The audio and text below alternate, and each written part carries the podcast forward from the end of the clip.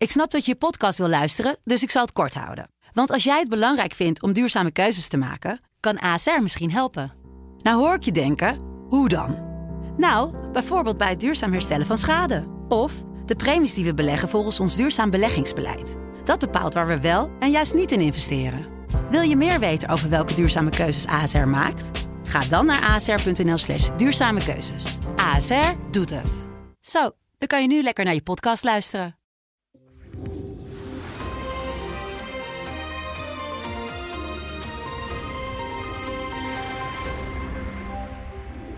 Welkom bij het gesprek met Paul Jansen, de hoofdredacteur van de Telegraaf, waarmee we elke week doornemen wat hem bezighoudt in het nieuws.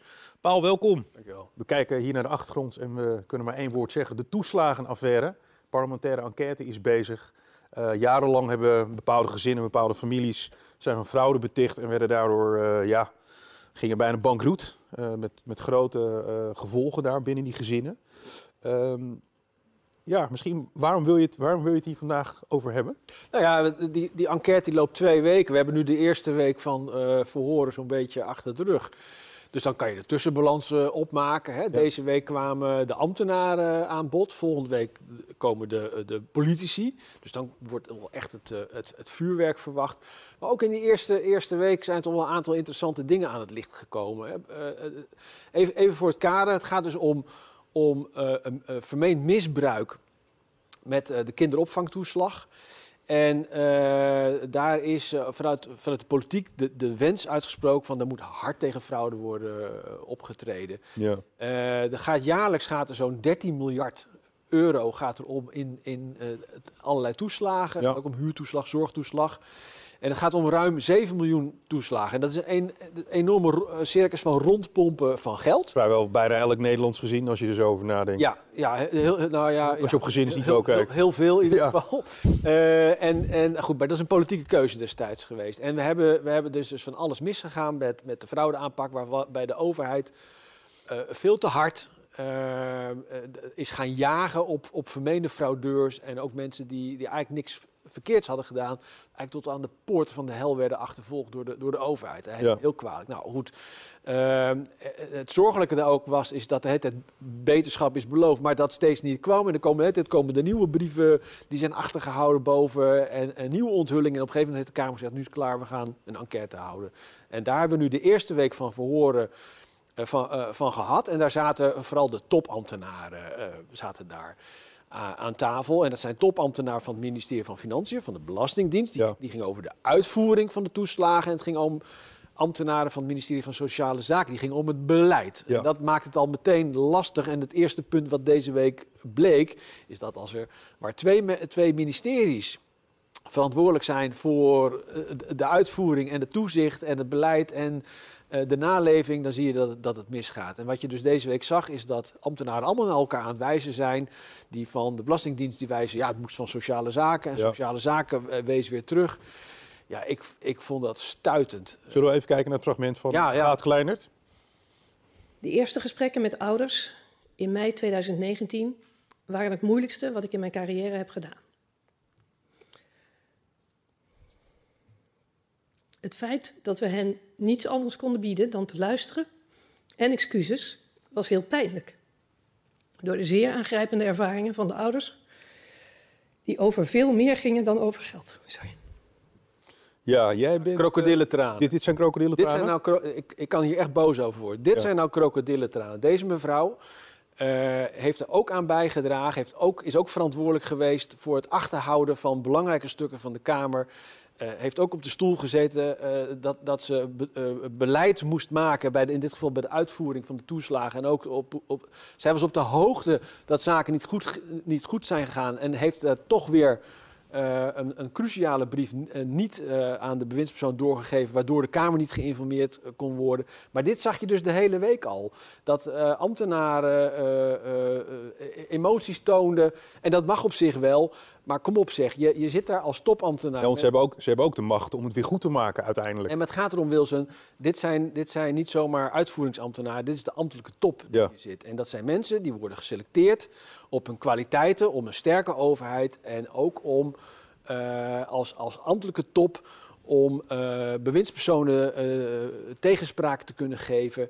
eh, een, een, sterk beleid te formuleren en daarop toe te zien. Ja, en ze hebben gewoon gefaald. En het enige wat je deze week dan ziet, is van die mensen die dan zeggen: ja, het is zo moeilijk voor mijn carrière. En naar elkaar wijzen. Er is niemand, niemand die verantwoordelijkheid heeft genomen deze week. Hoe ontstaat van die ambtenaren om, om, om, zegt, om, om te zeggen ik heb dit verkloot, ik heb dit niet goed gedaan en we hadden het anders moeten aanpakken. Het is vooral naar elkaar wijzen. En als je dan weet dat die ambtenaren tegelijkertijd, een, een deel daarvan, de Kamer wilde ook kijken of er strafrechtelijk vervolgd kon gaan worden. Er zijn er een aantal ambtenaren geweest die hebben van tevoren geregeld dat zij niet vervolgd konden worden. Het is allemaal dat indekken. En ik denk voor mensen die vorstelijk betaald worden, want het zijn mensen wel met, met echt dikke salaris van ver boven een ton. Ja. Uh, daar mag je toch wel meer van verwachten dan eh, wat je hier, uh, hier hebt gezien. Hoe ontstaat zo'n cultuur? Dat je, dat je, hè, want sommige van die directeuren zitten er al langer, sommige wat minder. Je zou kunnen zeggen, jongens, dat is in het verleden niet goed gegaan.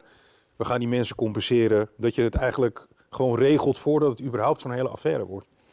Ja, kijk, dit is, dit, is, dit is een langlopend iets. En het, als je het helemaal afpelt, dan kom je uiteindelijk, en dat is interessant, dan kom je bij de politiek uit en bij de Tweede Kamer.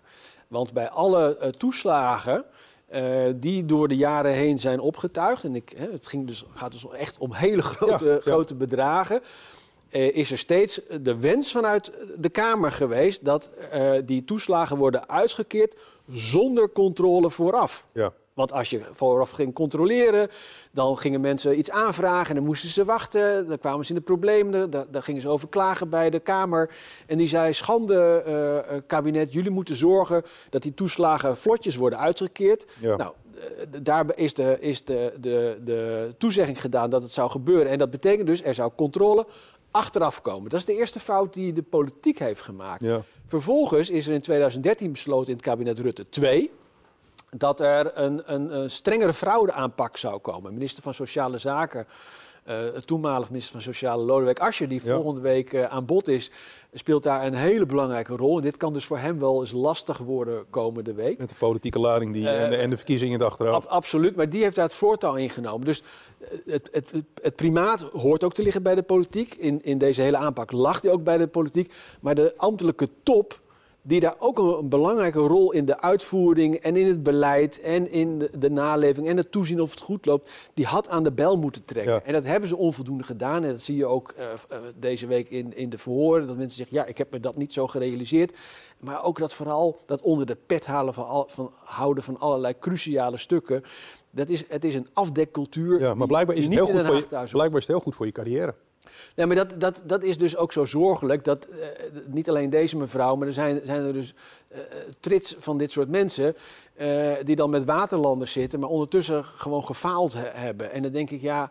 je kan hier nou wel emotioneel gaan zitten doen, maar je had gewoon, toen puntje bepaald komt, had je gewoon dat moeten doen waarvoor je bent aangesteld. Namelijk signaleren als dingen verkeerd gaan en daarvoor over een bel trekken in plaats van naar elkaar wijzen en afdekken. Heb jij na al je Haagse jaren goede hoop dat deze parlementaire enquête een deel van die cultuur gaat veranderen? Nou, kijk, ik, op zich wel. Uh, ik ben uh, een, optimistisch mens. dat blijf ik ook na al die Haagse jaren. Maar kijk, het, het, het echte zorgelijke is... er is al een staatssecretaris van Financiën uh, afgetreden. Ja. En je ziet nog steeds dat het ministerie met ambtelijke stukken uit de hoge hoed komt... die weer zijn achtergehouden. Ja. En dat, dat duidt erop dat er niet alleen incidenten zijn, maar dat er een cultuur is die niet deugt. En daar zijn die topambtenaren zijn daar cruciale spelers op. Dat ze zelfs de bewindspersonen niet informeren. En, en uh, ja, nou, wat ik al zei, dat afdekcultuurtje. Wat, wat ik denk volgende week, dit kan met name behoorlijk link worden voor een aantal politici en Lodewijk Asscher. Uh, zeker, want die heeft daar een grote rol in gespeeld. Uh, ik, ik wil niet zeggen dat, dat als je iets, iets boven het hoofd hangt, bedoel, de, de, man zit in de Kamer als oppositieleider, maar er komen volgend jaar verkiezingen aan. Ja, vrij snel. En, en, zeker. En wat je natuurlijk niet wil als PvdA-leider, is dat je na aanloop van die verkiezingen een kras oploopt, een forse kras, of misschien wel een bloedneus, uh, in figuurlijke zin, op een dossier wat toch gaat om, uh, om uh, ja, de sociale staat van de maatschappij. Dus dit kan, met name voor hem, kan dit heel penibel worden. Dankjewel. Alsjeblieft.